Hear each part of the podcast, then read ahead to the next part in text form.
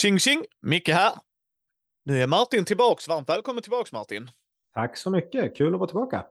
Nu ska vi prata fantasy-rollspel. Det ska vi göra. Jag ska nog säga, without a doubt, den största genren i rollspel. Ja, utan tvekan. Helt klart. Liksom. Helt, helt utan så här. Och första, eller första vet jag inte, men den granddaddy av all är ju Dungeons and Dragon. Mm, så är det ju. Det är väl fortfarande det utan tvekan största, eller vad ska man säga, störst säljande rollspelet är det ju. Ja, ja, ja, ja. ja. Och jag har sett eh, någorlunda statistik på Kiosium eller Paisio, det var några år sedan så det kan ju ha förändrats, Mm. men de slog som andra plats. Men de var inte ens, alltså det är så här andra plats fast de är långt bak. Så att, Ja, det är väl mil emellan där vad det Ja. gäller försäljningar. Men det är ju, eh, det började ju som figurspelsgrej. Mm. Eh, Gary Gygax, om jag har förstått allt rätt liksom. Det är ju allt där började. Och eh, Precis, det var väl han och några till så att säga. Som... ja, oh ja, oh ja. Och sen är ju Forgotten Realms, inte, eh, jag ska inte svära på det, men jag vet någon av världarna är det ju någon författare som har skapat, sen så har det inkorporerats in och sådana saker så att det är liksom, men det var ju mycket brutalare än vad Mm, 5E är kan vi ju säga. Mm. Eh, Gick du fel? Jaha, synd Martin, när dog du? Ja, ja, ny karaktär. Men det var ju mycket inspirerat av krigsspel och figurspel ska man också komma ihåg, inte så som vi ser rollspel idag. Ja, men precis. Är, är jag ute och cyklar när jag tänker att så som de kom igång med Dungeons and Dragons, det var att de egentligen spelade figurspel, men att de typ började rollspela med sina figurer. Och Inte omöjligt. idén kom till det hela. Det här kan vara helt taget i luften, men jag har, har ett svagt minne av att jag har hört den historien i alla fall. Ja, ja nej, men jag tror inte du är ute och cyklar. Det är nå- någonstans börjar ju den tanken dyka upp. Och det är också rätt roligt för de har ju också blivit intresserade eller inspirerade av eh, IPn som jag gillar minst i hela världen, typ eh, Lord of the Rings. Ja. Eh, det är därför det heter Halfling och inte Hobbit. Men det, om jag för mig Ah. rätt så skrev de Hobbit från början. Mm. Uh, citera inte mig på det, men jag för mig det. Och de bara app, app, app, app, kommer Tolkien-sällskapet. Okej, Halfling då. Ja, Ja, jag bara byter namn på det. Alla vet att det är en Hobbit. Go! Liksom. Men det är ju granddaddyn av all. I utomrikes, alltså utomlands. I Sverige är det ju Drakar och Demoner, eller var, Det var det ju absolut, om vi backar bandet i alla fall. Nu, det här, det här är också lite taget i luften, men jag tror att Dungeons and Dragons är det bäst säljande spelet i Sverige också. Skulle jag också tro. Skulle Det jag också. skulle jag tro, men om man backar bandet många år bakåt så har inte jag ett minne av när jag började spela rollspel att folk spelade Dungeons and Dragons, utan det var ju Drakar och Demoner. Och nu pratar vi då under 90-talet i alla fall. Ja, jag tror folk spelade, men precis, men inte i samma utsträckning. Och det var ju en, eh, en stor grej på den tiden ju. Alltså, eh, Det var när, ju när, väldigt lättillgängligt fanns ju i leksaksbutiker och ja. Så att vi hade ju nog, då per capita var det nog eh, Drakar och Demoner. Mm. Eh, hands down, det tror jag att de har det gjort statistik på. Vad som än känns så. Ja, men jag tror Orvar Särström och eh, de nämner det väldigt mycket i sina böcker. Så jag Mm. tror inte du är ute och cyklar där alls. Att eh, det är liksom, det spelade såklart Drak- eh, Dungeons and Dragons och det, Mm. eh, det betvivlar jag inte. Det vet jag folk har pratat om. Nej, men vi spelade det, vi hoppade aldrig på det. Vi var lite äldre eller vad det nu än må vara. Medans eh, nu är det nog tvärtom ju. Och det är inte så jävla konstigt med tanke på att det är nu Fria Ligan har dragit igång Drakar och Demoner. Sen var det Riot Minds som hade sin version. Men Riot Minds, den har jag inte spelat eh, så värst Nej. mycket. Jag har kikat i den. Jag tyckte det så, såg ju helt okej ut. Mm. Jag vet att det fanns mycket åsikter om den då när det kom, men jag tycker det ser väl helt okej ut. Men ska man jämföra, det nya är ju helt fantastiskt. Men det Ja. kommer vi till lite senare misstänker jag. Ja, ja, ja, men det nya är ju en liga för sig. Liksom. Sen ska jag också säga som vi har nya hobbyister. När vi pratar 5E så menas det att det är femte utgåvan av Dungeons and Dragons. Det har liksom varit eh, Dungeons and Dragons Advanced, Advanced First Edition, Second Edition, alla de grejerna. Sen vet jag att många av min generation har spelat 3.5. var där de kom in liksom. Att det var då mycket, mycket avancerat. Så kom eh, fyran och då var det otroligt mycket brädspel och det fick det väldigt mycket kritik i. Alltså bara, men nu simulerar ni ett brädspel. Eh, jag tror de ville åt, ja det var ju då WoW kom ju, så jag tror det var väl det de ville emulera. Problemet lite där är att det ja, kanske fel grej att emulera lite. Alltså jag vet inte, det var väl inte de som spelade egentligen, ja det är skitsvårt att säga, men, men den floppar stenhårt jämfört med 3.5 och 3, alltså så här, och sen femman. Och Mm. det ska ju sägas då, för Paizo gör då Pathfinder. Mm. Vi nämnde i sci-fi avsnittet Starfinder, men det Mm. kom efter Pathfinder. Och Mm. Pathfinder sägs ju vara den spirituella, eller så här, de, de, när, när Wizard of the Coast gick över till 4.0 Dungeons and Dragons, då gjorde The Paizo Pathfinder, för det var Mm. kvar i 3.5-andan. Så de fortsatte där, och då ska man komma ihåg, er, ni som har spelat Dungeons and Dragons femte editionen, den skillcheckslistan är avsevärt mycket mindre än den i 3.5. För nu är det slate of hand på lockpicking och det. Det var tre olika grejer för fan. Lockpicking, slate of hand. Och så bara, okej. Och uh, jag gillar 3.5. Om jag gillar crunchy system så typ 3.5 är ju väldigt, alltså så här, det är sunt. Mm. Eh, så.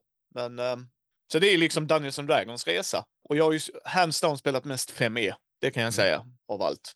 Har du spelat något Dungeons and Dragons? Nej, här ska jag krypa till korset att jag har ju faktiskt inte spelat Dungeons and Dragons. Jag bara Alls? kikat i. Nej, alltså jag har som sagt jag har spelat rollspel sedan jag var 11 år tror jag. Ja, 10-11 år. Så det är ju ganska många år nu när man närmar sig 40-strecket. Men aldrig lirat Dungeons and Dragons. Däremot väldigt sugen nu på att testa det. Mm. Så, så fort tillfället dyker upp så tänkte jag faktiskt nu under nästa år ge mig på att testa det. För det känns ju märkligt att inte ha spelat det hittills. Men när det kommer till eh, fantasy-rollspel, vad var det som fick in dig på fantasy-rollspel? Var det Dungeons and Dragons? Mm, och jag tror det var det första, första, första så här one shot jag spelade var 3.5. Mm. Och det var ett entimmes-äventyr på en spelförening jag var medlem i innan. Det var det. Jag har ju inte växt upp med Drakar och Demoner. Det är ju det som är grejen. Nej. Jag, har spelat lite Drakar och Demoner där folk har introducerat mig, bland annat Robert Jonsson ifrån Soloäventyr eh, och eh, Alters vidder och de grejerna han håller på med. Så han har introducerat mig till det och sen så tror jag jag har spelat, du vet så här, någon one shot hemma, kampanj, Thingamabob Doohickey way back. Mm. Men aldrig fastnat för det, så jag kom tvärt in. Jag har aldrig spelat Drakar och Demoner, men jag har spelat D&D. Ah. Och sen så spelar vi olika versioner och sen så var det 5E och det är den jag spelar nu till exempel varje söndag. Mm. Eh, och jag har spelat, uh, när denna kampanjen är klar i Mal- med Malmögänget så har jag spelat två Dungeons and Dragons kampanjer, alltså så här färdigskrivna moduler. Så att det var ju där jag började. Och jag är ju inte fantasy-killen. Alls. Nej. Alls. Men det är oftast det. Men det är det som spelas och det, jag tror vi har pratat om det i alla fall off Mick, du och jag, att jag älskar ju att spela rollspel så att jag tar ju vad jag får. Beggars can't be choosers liksom. Ja, nej, men det är så sant som det är sagt. liksom. Sen tror jag också att fantasy är nog fortfarande en ganska ofta en inkörsport för Mm. folk till rollspelsvärlden. För det kopplas ju ofta samman. Ja, och sen fa- fasiken, vem har inte sett en fantasyfilm? Ja, nej men så är det. Så är Liksom. Så det håller jag med dig. Men sen tycker jag också det är så här intressant för Drakar och Demoner har ju inspirerat många svenska författare. Vi har ju Symbarum det. Mm, mm. som är ju eh, järnringens lite så här take på eh, Drakar och Demoner liksom. Mm. Sjukt jäkla intressant värld och så här, Symbarum är ju någonting så här. Och sen har ju det blivit till 5E också ska sägas ju så att de har ju så, äh, knutit säcken eller vad man ska förklara det som. Så att det är ju väldigt intressant på det sättet också ju. Och sen Svärdets sång från Fria Ligan och nu är ju Symbarum under dem också eftersom de gick ihop med järnringen. Men Ja, Svärdets sång kändes ju verkligen som en andlig uppföljare till eh, Drakar och Demoner. Står för alla illustrationerna och... Ja, och det är ju det, det är ju lite på grund av Nils Gullikssons bilder. Det var ju där de började lite med den grejen. Så att, eh, ja, du, du har ju helt rätt. Nej, så min inkörsport var det. Vad var din inkörsport då till? Min var Drakar och Demoner och då var det 1984-utgåvan. Och jag började ju spela det där någon gång på 90-talet. Och var, det var ju det vi körde hela tiden, hela, hela tiden. Och sen kom vi över Drakar och Demoner Kronopia. När det Ah, var dags för det. Och där har vi en riktig vattendelare vad folk tycker om det. Jag älskade det spelet. Ja. Jag tyckte det var helt fantastiskt och jag bläddrade igenom det rätt nyligen och jag ja, om man bortser ifrån att det är svart text på en grovmelerad bakgrund så det är väldigt svårt att läsa det på ålderns höst. Men eh, själva spelet i sig tycker jag fortfarande är bra. Idén är bra. Man, det är ju då fan, alltså high fantasy i en gigantisk jättestor stad. Ja, för det är Kronopia som är staden va? Exakt så. Exakt. Ja. Och den är ju alltså så gigantisk, du behöver aldrig lämna den. Utan alla Mm. äventyrsplatser du behöver, kan tänka dig finns där. Du kan aldrig utforska klart hela stan. Det var ett riktigt fantastiskt spel då och det kändes nytt och fräscht. En helt annan take på fantasy mot vad man var van med. Mm. Men jag vet också att det var väldigt många som det inte alls föll i smaken och de var inte beredda på det. Så nej, men jag, jag gillade det. Så ja, inkörsporten, Drakar och Demoner och det vi körde sen var ju då Kronopia. Så båda två håller jag fortfarande väldigt högt som gamla klassiska favoriter. Ja, spelar du någonsin Trudvagn? För jag vet vissa... Nej, nej, då var jag lite på paus så att säga från Ja. rollspelssvängen. För den kom lite där i någon mittensvacka. Mm. Ja, för precis. För du, du satte ordet på Martin, för den kom ju där verkligen i mittensvackan. Men Mm. jag vet många av mina ungefär jämngamla kamrater så här, ja men vi började där, eller var det där vi kom in i, eller var där vi körde Snösaga, vill jag säga, vad heter den Ja. stora kampanjen där? Jag vet Kristoffer Hermansson från Spelsnackarna är ju det, den eh, kampanjen han och hans brorsa har kört väldigt, eller bröder har kört väldigt mycket liksom. Så att där är ju väldigt mycket, sen ska vi inte säga The One Ring, Mm. Hello, Mm. Otroligt Som- tjusigt. Ja, eh, jag kommer ju aldrig vilja spela det. Spela det vill jag jättegärna göra. Och sen 5e-versionen av det. Lord of the Rings 5e e, som nu också ges ut av fria ligan men som var Cubicle 7 ett tag. Det vet jag. För jag har de böckerna också. Så att ja, det är väldigt lättillgängligt. Och nu, nu pratar vi bara om de stora markerna gott folk. Det har ju för fan sin Warhammer Fantasy. Ja. Uh, så, som också är well renowned inom nördspels eh, uh, hobbyisterna som vi är. För jag menar bara Enemy Within är ju väldigt känd att Det känns som en kampanj man väldigt gärna skulle vilja spela. Jag har aldrig Ja. spelat Warhammer, men jag skulle otroligt gärna ge mig på den kampanjen ändå. Ja, jag håller helt med. Det är en sån så här, den skulle jag vilja spela ändå. Eller spelleda. Jag, jag, jag, jag, har, jag har fått ta den smällen, gott folk. Jag är forever GM.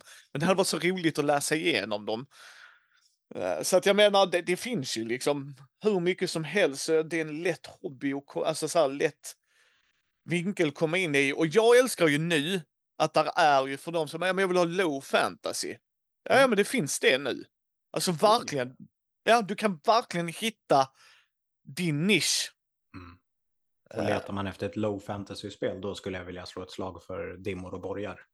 Mm. Det tycker jag var otroligt välskrivet, väldigt pedagogiskt upplagt och grymt för nybörjare. Och som du säger att det är just den här low fantasy-aspekten gör att det känns väldigt annorlunda mot till exempel Drakar och Demoner. Det är en helt annan grej. Det är inga orcher och alver och... Utan, ja, inte, det finns inte ens magi där om du inte vill att det finns. Nej, men precis. Sen är det Drakar och Demoner tycker jag också är väldigt mycket low fantasy. För att även om du har magi, det är inte som D&D. D&D är high fantasy. Mm. Alltså, god damn, du går från 0 till 100. Du är crème de la crème när du är i slutet där. Du är hoho, peak, peak, peak. Medan i Drakar och Demoner, du strugglar. Världen i Drakar och Demoner är ju väldigt high fantasy. Ja, absolut. Ja, absolut, världen är, men inte regelsystemet. Ja, jag förstår hur du tänker. För, för att liksom så här. Ja, jag skulle inte säga att Drakar och Demoner är high fantasy. Jag tycker du skulle nog sätta det i fantasy. För drakarna ser du inte. Alltså, du, du tänker att det, det är en mittenfåra där? Ja. me mellan high fantasy och low fantasy. Ja, Någonstans mellan D&D och Dimmor och borgar, där är Drakar och Ja, det skulle jag nog vilja säga. För för att du ser ju inte drakarna. De pratar som i legender och myter. Nej, jag förstår hur du tänker. Liksom så här, men du möter ju inte dem. Nej, jag tror det är något mellanläge. Sen eh, kan ju vara färgad av att för D&D är otroligt mycket high fantasy. Alltså det är ju du vet så här. Det är granddaddy of all high fantasy skulle jag säga. Du vet liksom att du är nästan en gud när du går ut och eh, magi finns för allt liksom så här. Så det kan ju vara det som speglar också ju såklart. Nu är jag ute och seglar lite, för som sagt, jag har aldrig spelat Dungeons and Dragons. Men som jag har uppfattat det så är väl tanken lite grann just att man ska levla och att man ska bli mäktigare. Ja. Alltså, Ja, ja, ja. Och det är en del av spelmekaniken. Ja, ja, ja, ja, ja. Helt rätt. Och det är väldigt mycket fokus på level och ja, att man ska uppåt, så att säga. Ja, men så är det ju. De kör ju den klassiska, klassiska, klassiska tropesen ju. Det gör de ju. Det är, det är inget snack om det. Liksom, du har ju Drakar och Demoner eh, kommer ju också från Basic Role Playing System som Mm. även eh, liksom eh, Kiosium använder som i grunden till vad de har använt innan och sen så har det förändrats under året gott folk. Men det, är- det är en regelmotor som säger nu, nu använder Martin en förmåga här och så säger Dungeons, eller Drakar och Demoner att eh, om han lyckas med ett krit fail eller kritmisslyckande så får han markera. Och efter dagens spelning så ska han då slå ett slag för att se om han förbättrar det. Det är lite så skillsen funkar i Call of Cthulhu levlar du inte nämligen.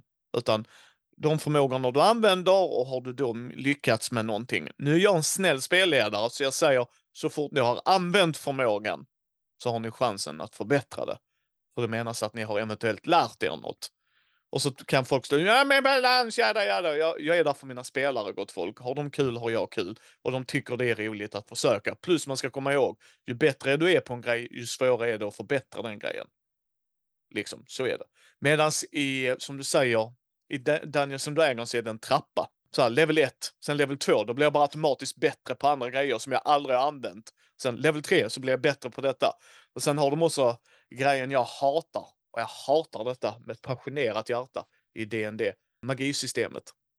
Okej. De felar där då? Eh, Du har eh, spellslots Okej. och det är bara de du kan använda. Och du kan upcasta en grej men inte lowcasta en grej. Vilket jag förstår liksom i deras försök att balansera det, det är inte det. Medan i Drakar och Demoner nya, och jag vet det är de äldre, då har du sypoäng du spenderar, det vill säga mana. Så vill du spendera en jättekraftfull spel, kan du det, det kommer kosta dig, ja jävlar i det, men du kan göra det. Och för mig är det ditt val, hänger du med vad jag menar Martin? Mm. Då är det Martin som väljer vad han vill göra. Och att framförallt det nya, jag vet inte hur det är i det äldre. Men framförallt i det nya så har du även så här, men du kan ta ditt liv också.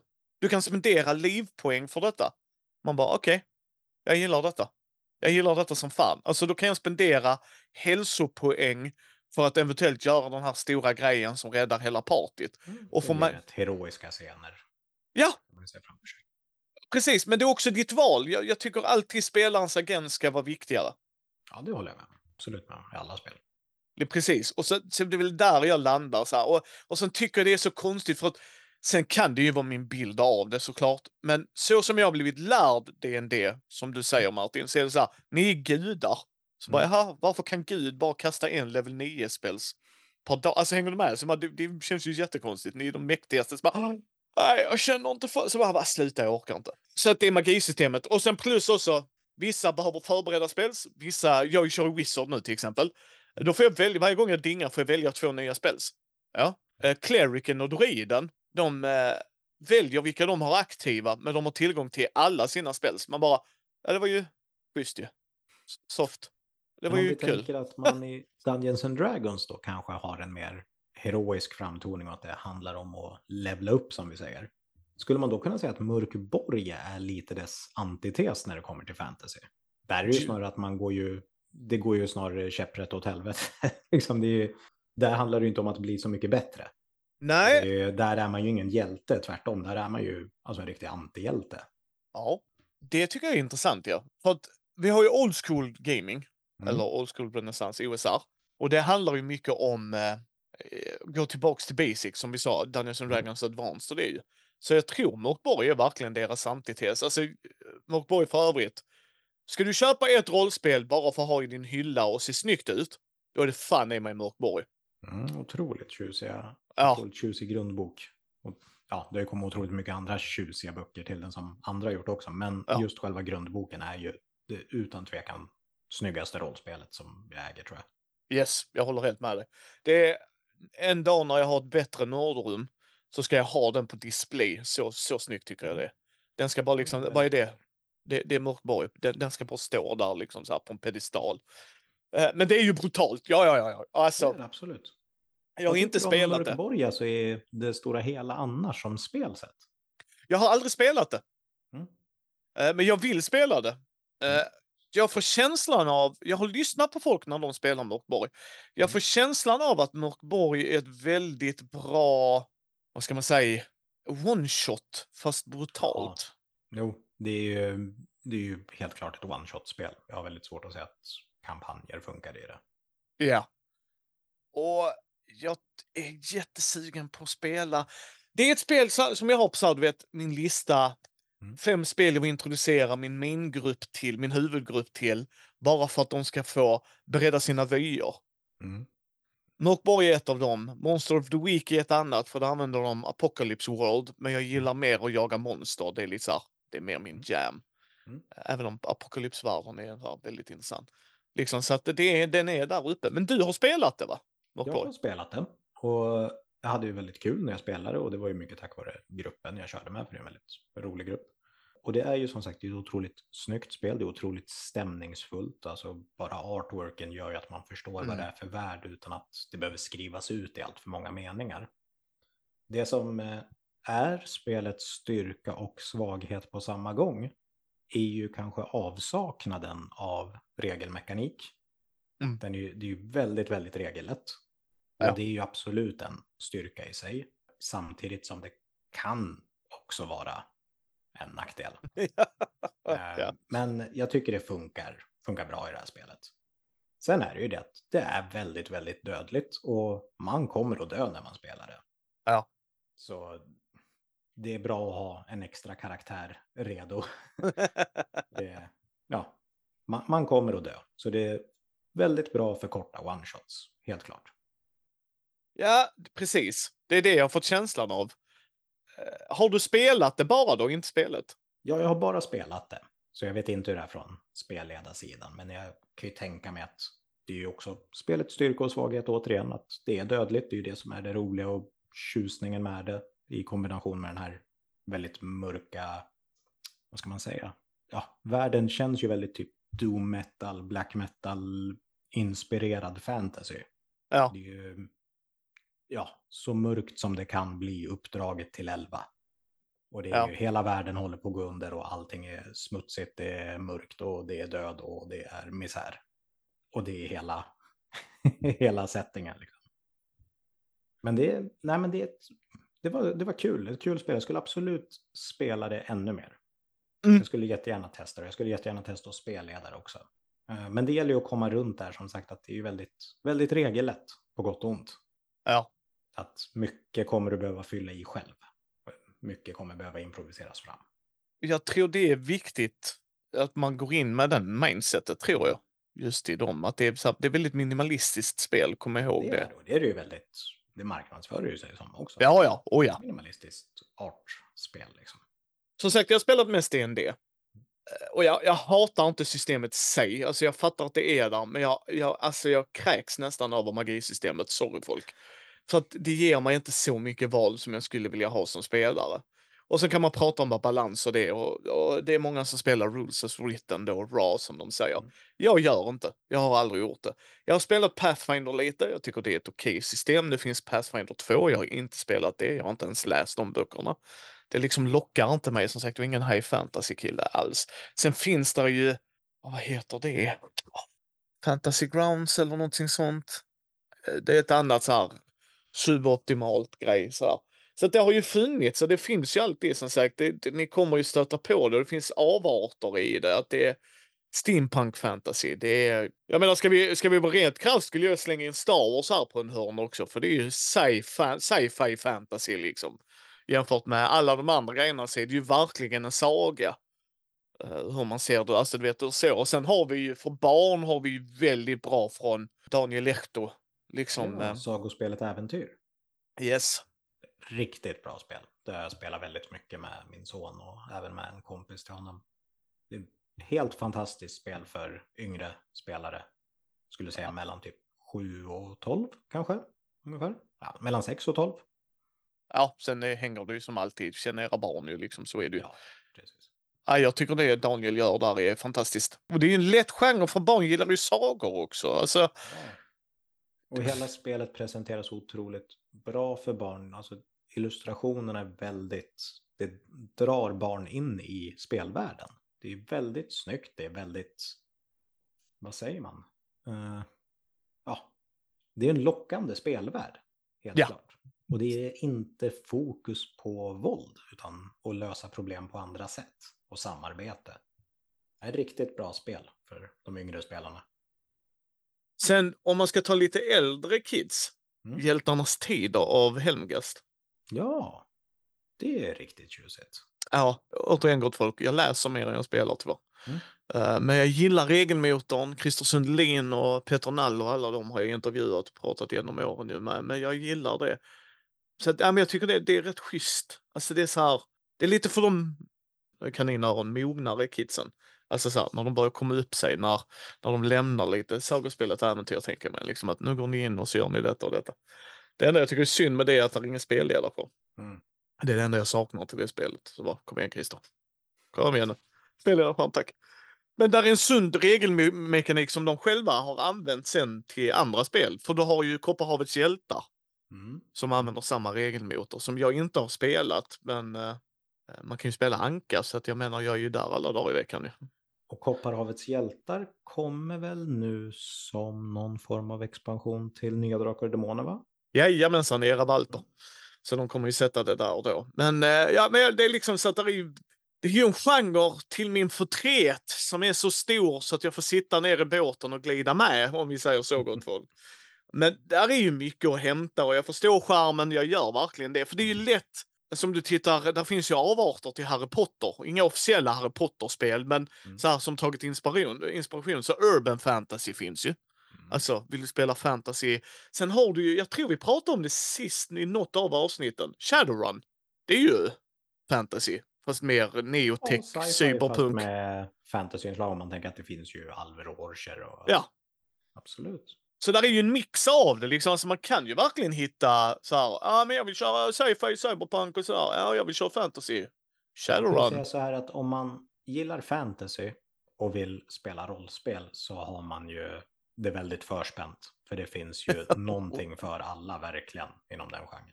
Vilket skulle du rekommendera då? Det beror ju helt på vad man har för ingångsläge och vad man tycker om. Men jag skulle säga ett spel som jag tror passar väldigt många, kanske inte alla, men väldigt, väldigt många, är ju nya Drakar och Demoner. Det är som sagt, det, det skjuter brett och gör det bra. Ja. Eh, Du kan spela det med barn, du kan spela det med gamla nostalgirävar, du kan spela det med vuxna som vill testa och spela ett rollspel. Mm. Du kan spela kampanjer, du kan köra one-shots. Det funkar liksom till allt. ja, jag är helt med dig. Enkel regelmotor och den har ändå ett tillräckligt mycket djup för att det inte ska kännas ytligt. Jag, jag tycker det är jättebra. Och själva bara lådan du får tycker jag är jätte, jättebra. Det är en fantastiskt fin...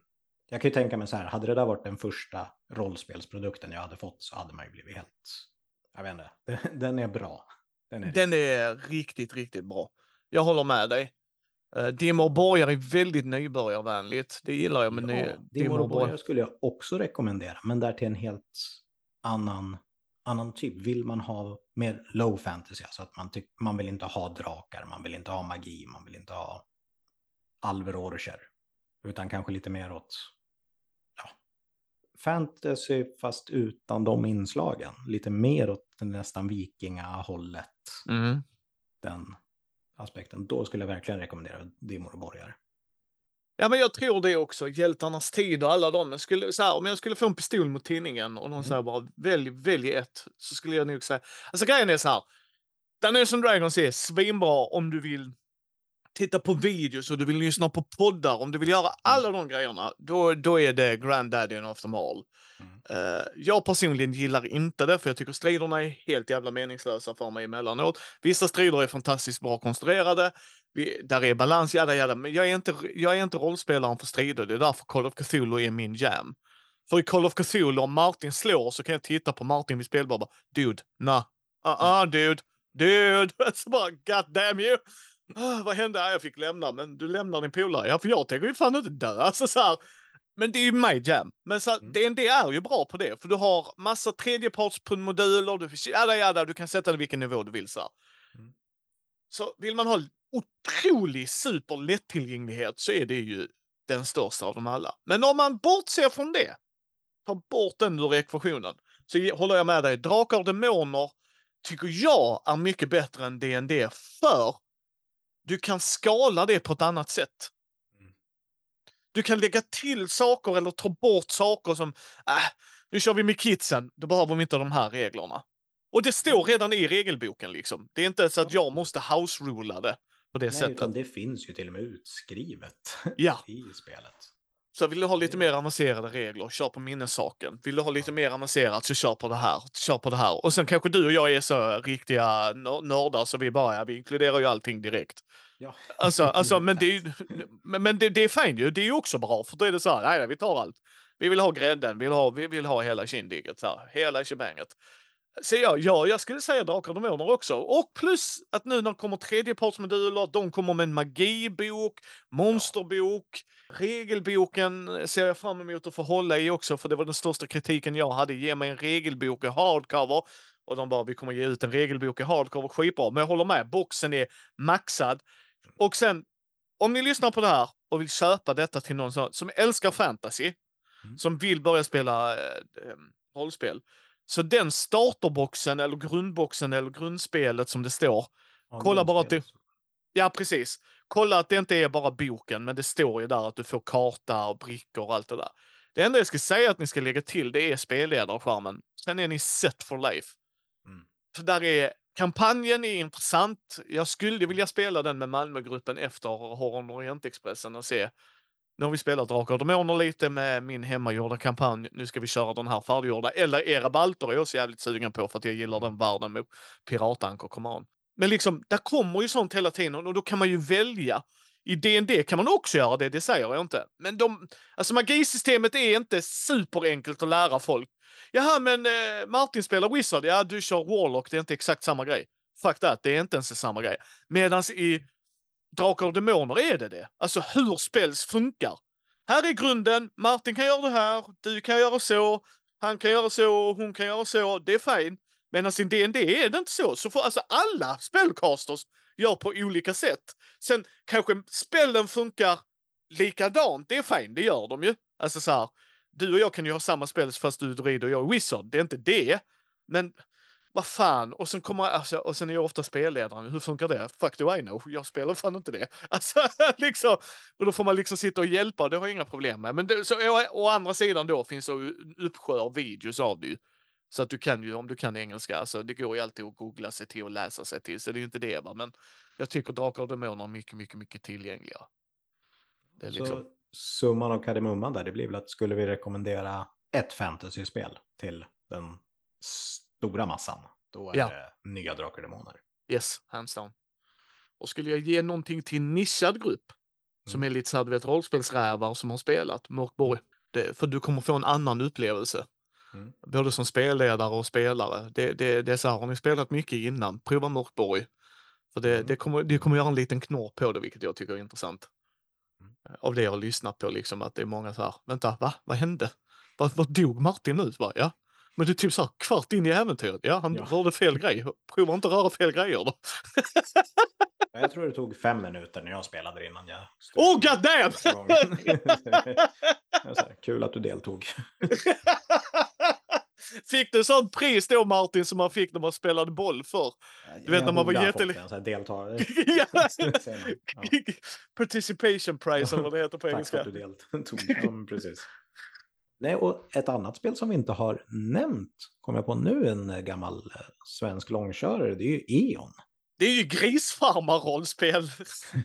Eh, och för folk som kanske inte vet vad det är, är att det är så otroligt jordnära. Alltså det är nästan en...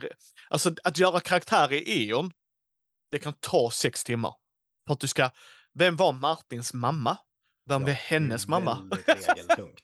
Väldigt, Ja. väldigt regeltungt. Många som gillar det. Precis, Många jag tänkte säga det. har fortsatt, och, alltså som spelade det när det kom och har fortsatt att spela det och spelar det fortfarande. Ja, Och det släpps ju fortfarande saker till det i väldigt stor mängd. oh ja. Och det är ju Helgas då, ska jag säga, gott folk. Det är det. Det är det. Det har ju sin publik.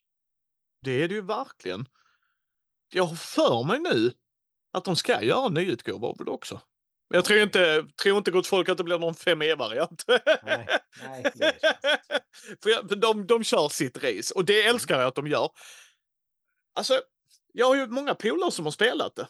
Mm. Och de säger ju det att, alltså, jag har polare, jag tror det är också en sån grej. Antingen älskar du det eller hatar du det. Jag tror jag aldrig har mött någon, eh.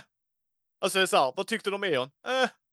Nej, Utan det är så här- det, är, ett spel folk har åsikter om helt enkelt. Ja men precis, men jag har ju mött folk som bara, ah det bästa som finns, jag älskar det, Mm. vi har jättekul, vi har spelat så här 16 kampanjer i det och så här och sen kommer nästa så här, vad tycker du om jag hatar det?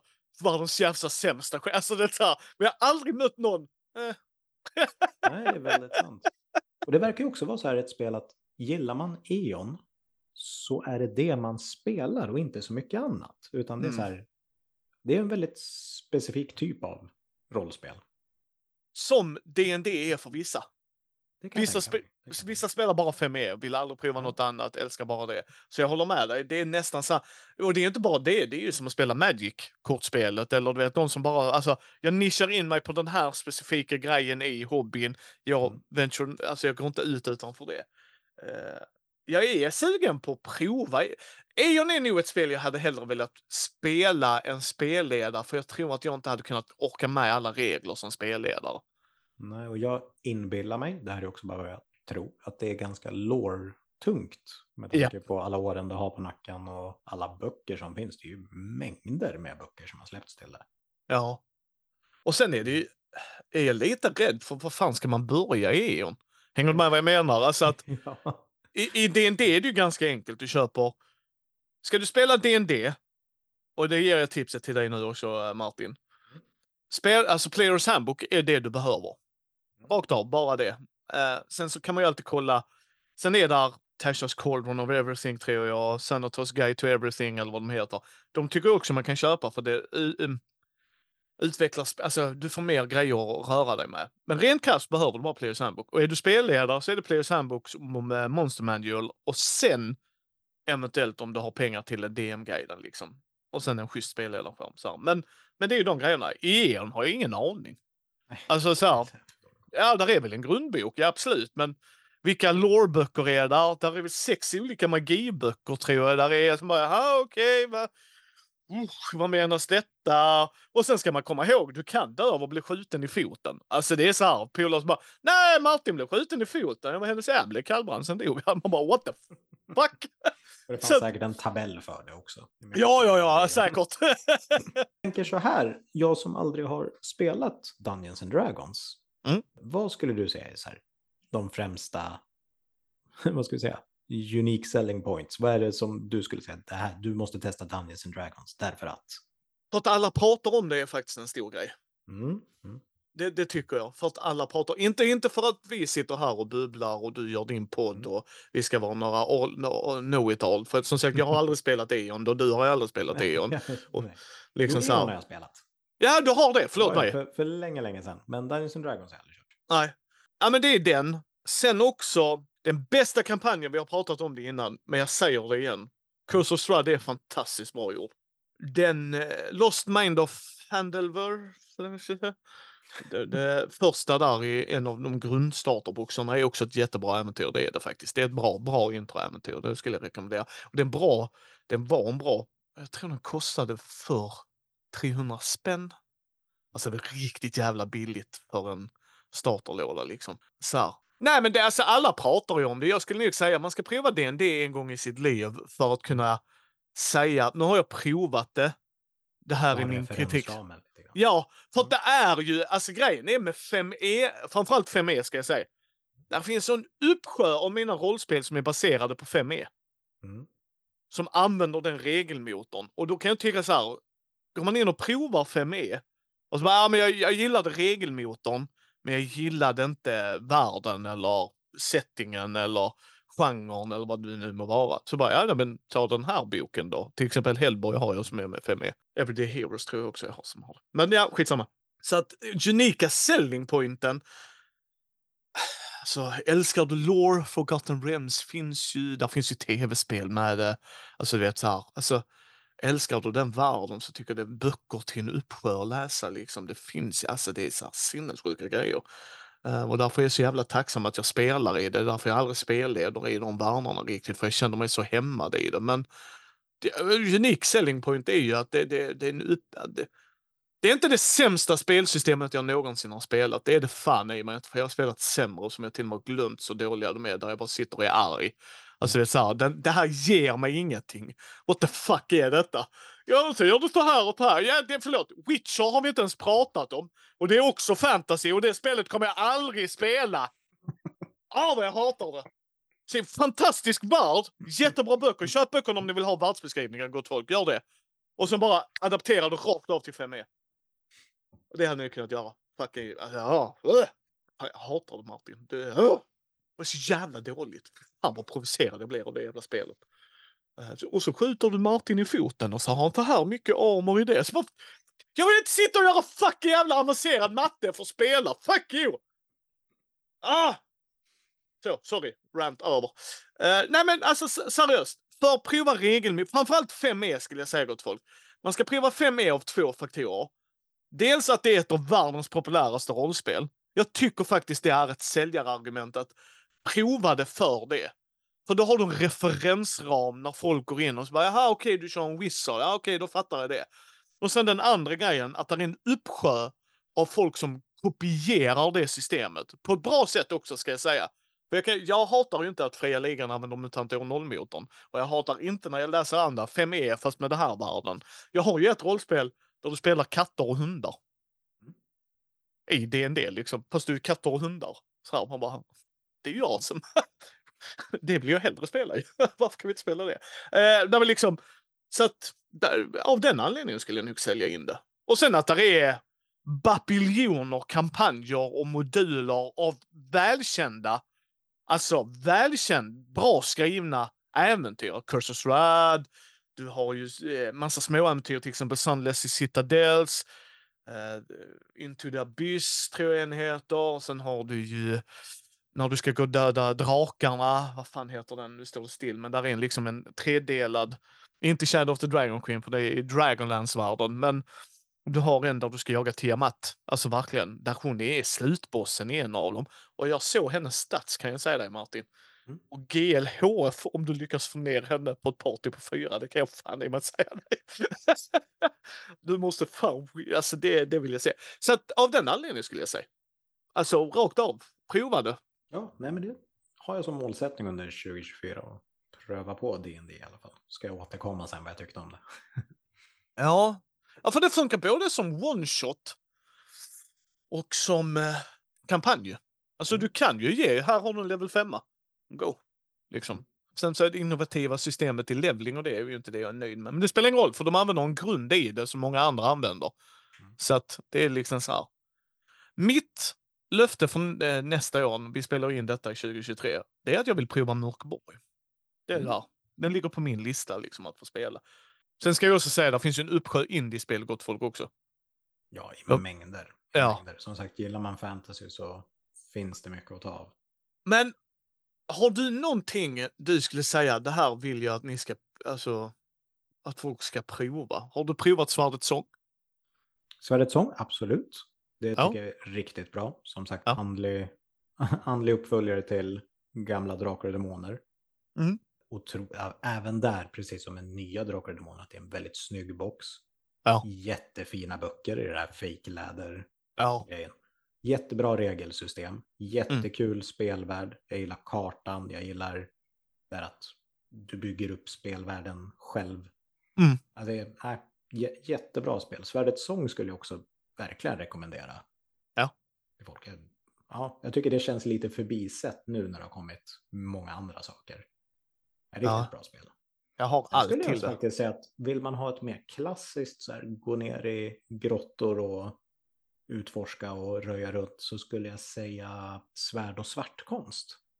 Tack. Jag har den i hyllan. Jag glömde vad den hette för om någon outgrundlig anledning har varit dum i huvudet och vänt den ut och in. Sen bara, just det. Men det skulle jag verkligen rekommendera om man gillar den typen av spel. Att det ska vara mer actionfokus. Det finns ju ett Urban Fantasy Legend, heter det. som, som är mycket, mycket mer friformigt.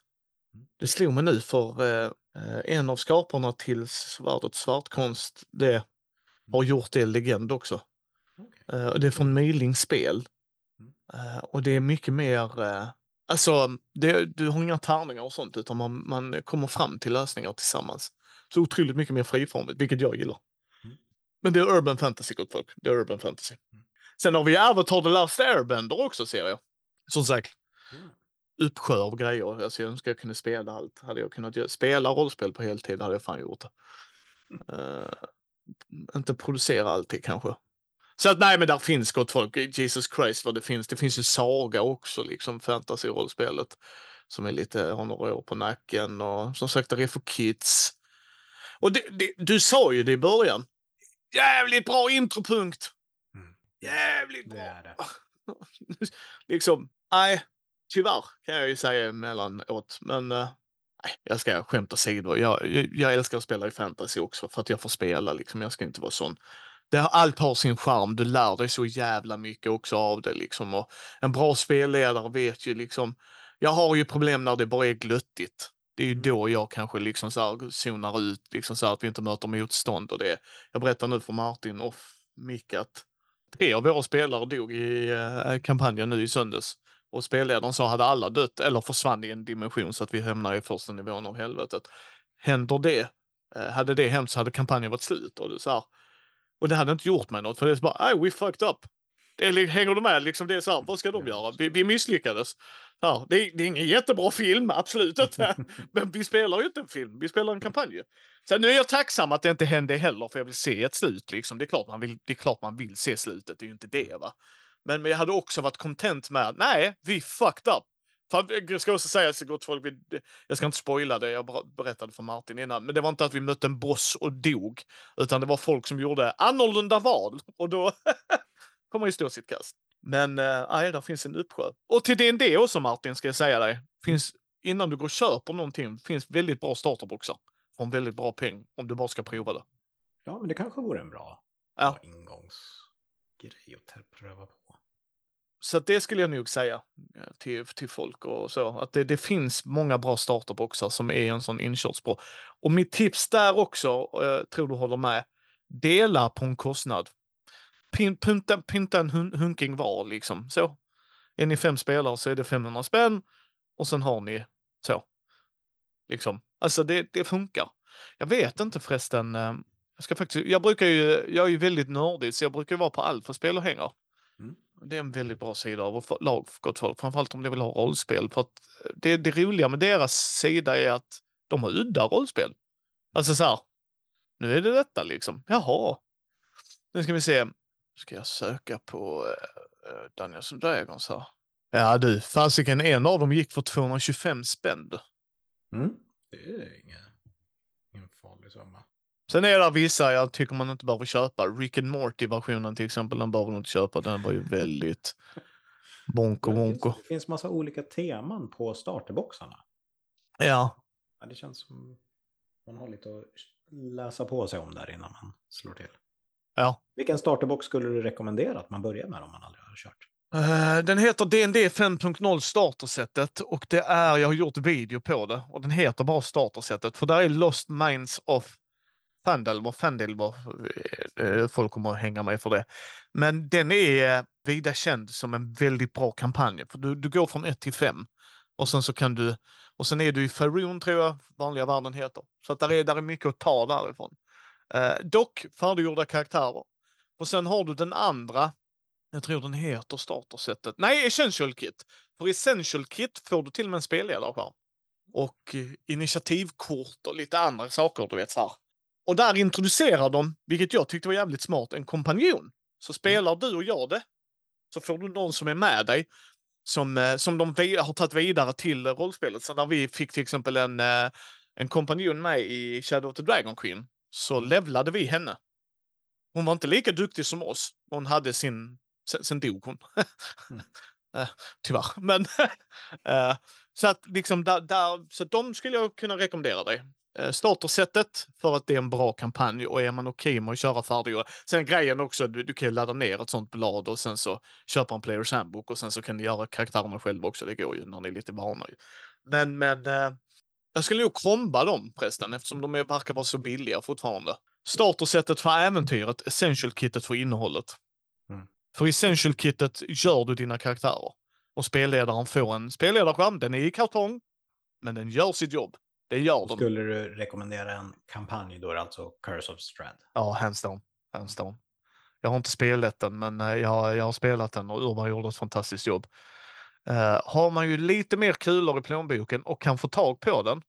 Har du sett kistan? Ja, absolut. absolut. Ja. Riktigt snygg kistformad box. Yes, för jag har den där uppe. Vet du vad som är i den?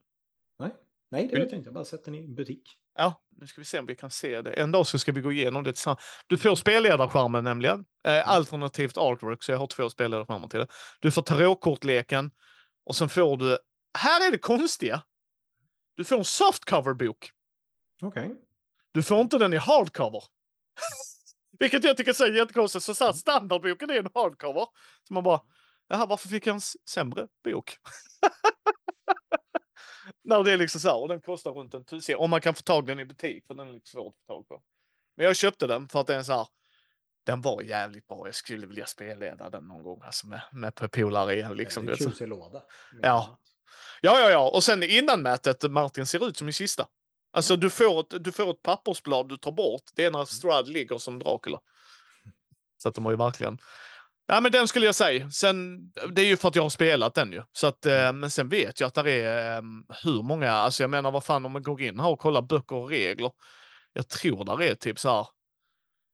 Åh jäklar, jag tror inte ens vi kan räkna det. Alltså där är hur, jag tror minst 20 böcker gott folk med olika kampanjer som är i olika stilar. Det är några du slåss mot jättar. Det är några du går ner i helvetet. Där är, alltså, hänger du med? Där är så helvetes jävla massa. Så att gott folk, det är bara att läsa på där. Och sen till Drakar och Demoner, om ni hoppar på det tåget nu, då har ni ju en fördel att ni ser allt som kommer ut. Mm. Och det blir ju en hel del nu under 2024. Ja. Där. Så det ska bli väldigt spännande att se vad som, vad som landar. Mm. Alltså jag är sjukt nyfiken på hur det spelet kommer att utvecklas. Mm. Jag är så jävla taggad. Och sen Mörkborg finns det en hel del till också. Och Eon ska vi, som vi, som vi sa innan, liksom, det är helvete. Det är ju bara, det är för fan en, det är ett svart hål i plånboken om du ska gå in där också. Så att, nej, jag tycker, tycker du man ska prova det? Överlag? Ja. Tycker du det Tänker Martin? du på Mörkborg då? Nej, alltså rollspel, alltså fantasy. Tycker du det är värt? Jag tycker absolut man ska pröva fantasy. Även om inte fantasy är ens grej från första början om det kommer till böcker och film så tror jag att många kan hitta glädje i att rollspela fantasy, absolut. Ja. Och tvärtom att gillar du, tycker du ens om Sagan om ringen och du har aldrig spelat rollspel, då kan fantasy också vara en bra inkörsport. Ja. För barn kan det absolut vara en fantastisk inkörsport för de förstår konceptet väldigt fort. Ja. Det, nej, jag skulle säga att all- alla borde testa att rollspela fantasy någon gång. Och som sagt, det är bara att hitta, hitta rätt spel. Om du skulle få avsluta med ett fantasyspel du saknar? Oj, svår fråga. Då skulle jag nog säga att jag skulle vilja ha ett bra skräck-fantasy-rollspel. Och då menar jag inte att jag vill ha ett splatterspel alla Mörkborg, utan någonting som känns genuint läskigt. Någonting Ja. där mer fokus är på lösa mysterier och ja, ett bra skräckrollspel i fantasymiljö. Finns garanterat, jag har inte sett det bara. Men om någon har ett bra tips på ett sånt så skicka ett mejl. Ja, som sagt, det är i show notesen gott folk. Skicka till oss bägge. För du satte fingret på det och så bara, ja just det. För fokusen ska vara på skräcket, fantasyn ska komma i andra hand. Ja, precis. Jag tänker mer fantasyn som en inramning till det. Ja, fan, det hade ju varit jävligt spännande. Mm. Och det finns ju garanterat. Det finns Ja, ja. mängder med fantasyspel. Men jag har inte sett det. Det var jävligt spännande. Ja, Du då? Vad, har du någon, något önskemål? ett bra Witcher-rollspel. Okej. Ja. Så det som finns, det är bra lore-mässigt, men Ja. inte regelmässigt. Nej, nej, nej, jag hatar systemet. Du kommer inte få se mig spela det. Ja. Jag vill inte sitta och göra matte. Mm. D&D tycker jag inte är svår matte. Det är bara plussa, plussa och sen så är det så här. I det så är det så här, nu slog du där och så sa man, men sluta, jag orkar inte. Alltså jag orkar inte. Snälla, nej. Så Eh. avslutningsvis, det vi, det vi vill se i framtiden är ett bra fantasy-skräckrollspel Ja. och ett bra Witcher-spel. Ja, och inte en 5E-klon. Förlåt mig. inte en 5E-klon, för det kan jag göra själv. Utan det har varit så jävla intressant att se. Ja. Så ja, men det är väl våra avslutande ord. Eh, Eller mina avslutande ord till vår lyssnare är. Vad är ert favorit-fantasy-rollspel? Och vad skulle ni vilja se i ett fantasy-rollspel? Alltså så här, en, det kan vara en så specifik bokserie, alltså så här, eller filmserie eller så här. Det är nog mina avslutande. Vad är dina avslutande ord innan vi säger hej då för?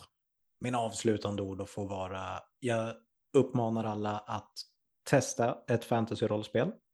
Och Mm. jag uppmanar alla att höra av sig om man vet ett bra skräckrollspel i fantasymiljö. För det vart jag väldigt sugen på att pröva nu. Tack för denna gången Martin. Tack så mycket. Vi hörs. gör vi.